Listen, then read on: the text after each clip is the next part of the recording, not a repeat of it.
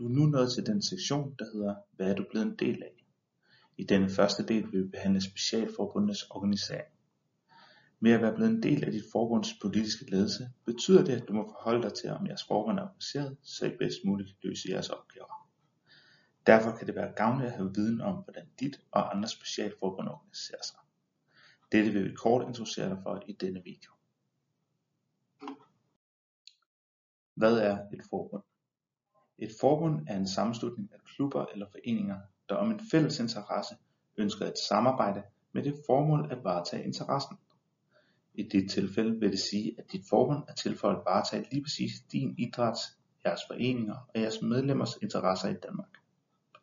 Disse forbund varierer i størrelse og organiseringer, men for at ramme bredest muligt kan man sige, at de fleste af disse forbund har en formel og en uformel struktur, demokratisk vælte gennem en fast valgprocedure og både politiske, faglige og udførende niveauer. Alle disse specialforbund er medlemsdrevne organisationer, hvor den øverste myndighed er repræsentantskabet, som samles årligt for at holde tilsyn til bestyrelsen og direktionen og desuden vælge medlemmer til bestyrelsen og i nogle tilfælde udvalg.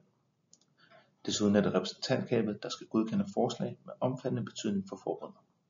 Det kan fx være forbundets mission, strategi, budget eller vedtægtsændringer. Forbund kan være organiseret på mange forskellige måder, men de har alle som minimum et repræsentantskab og en bestyrelse. Desuden kan forbundet have organiseret sig med udvalg, komitéer eller arbejdsgrupper, som både kan være stående eller tidsbegrænset. Disse varetager ofte en specifik interesse, der kan variere meget i indhold. Det kan eksempelvis være en disciplinsinteresse, en specifik målgruppes interesse, eller en faglig interesse som for eksempel uddannelse. Desuden er flere af de specialforbund organiseret med regioner eller lokalunioner, som varetager en lokal geografisk interesse. Flere af de specialforbund har desuden et sekretariat af ansatte, som varetager administrative opgaver. Disse opgaver afhænger dog meget af specialforbundets organisering. Sidst men ikke mindst har alle specialforbund både politisk, faglig og udførende niveauerne. Snittet herimellem er dog meget afhængig af specialforbundets organisering og historik. Der er altså utallige måder at organisere sig, og det er blandt andet et af de spørgsmål, du skal forholde dig til som bestyrelsesmedlem. Er I i grunden organiseret, så I varetager forbundets og jeres idrætsinteresser bedst muligt? Svaret på, hvordan et specialforbund skal organisere sig, er aldrig simpelt, og der vil altid være flere måder at organisere sig på, der tilgodeser modsatrettede legitime hensyn. Her følger et par eksempler på dilemmaer vedrørende organisering.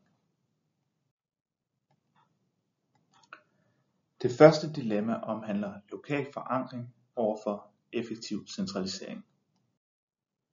Er det fx bedst at organisere sig med en stærk lokal forankring gennem politiske lokale unioner af valgte, der kan forstå og tilgodese de lokale interesser?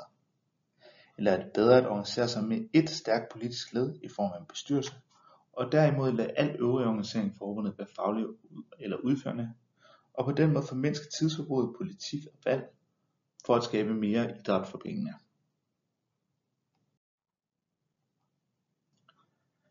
Det andet dilemma omhandler organisering af bestyrelsesmedlemmer og muligheden for fast øh, interessevaretagelse eller en fleksibel organisering.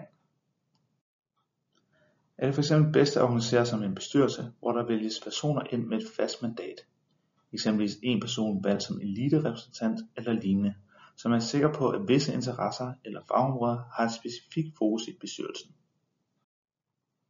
Eller er det bedre at have en bestyrelse af ligevalgte bestyrelsesmedlemmer, der konstituerer sig selv, så man på den måde bevarer fleksibiliteten og kan organisere sig efter kompetencer?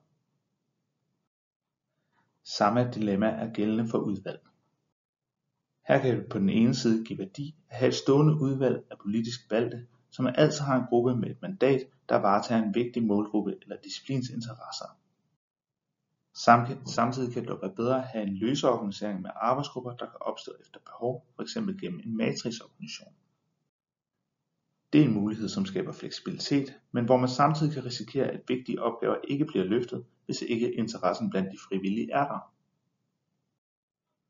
Svaret på dilemmaerne er ikke nødvendigvis klart, og afhænger blandt andet af specialforbunds historik, discipliner, kultur, omverdenssituation og meget andet.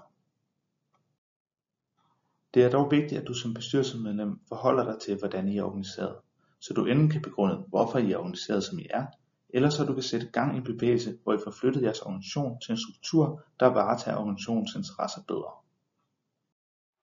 Derfor bedes du bruge et par minutter på at reflektere over disse spørgsmål, inden du går videre til del 2.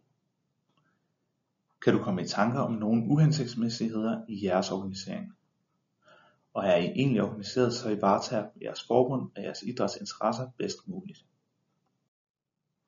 Noter gerne væsentlige refleksioner, da vi kommer til at drøfte organisering på næste kursusgang.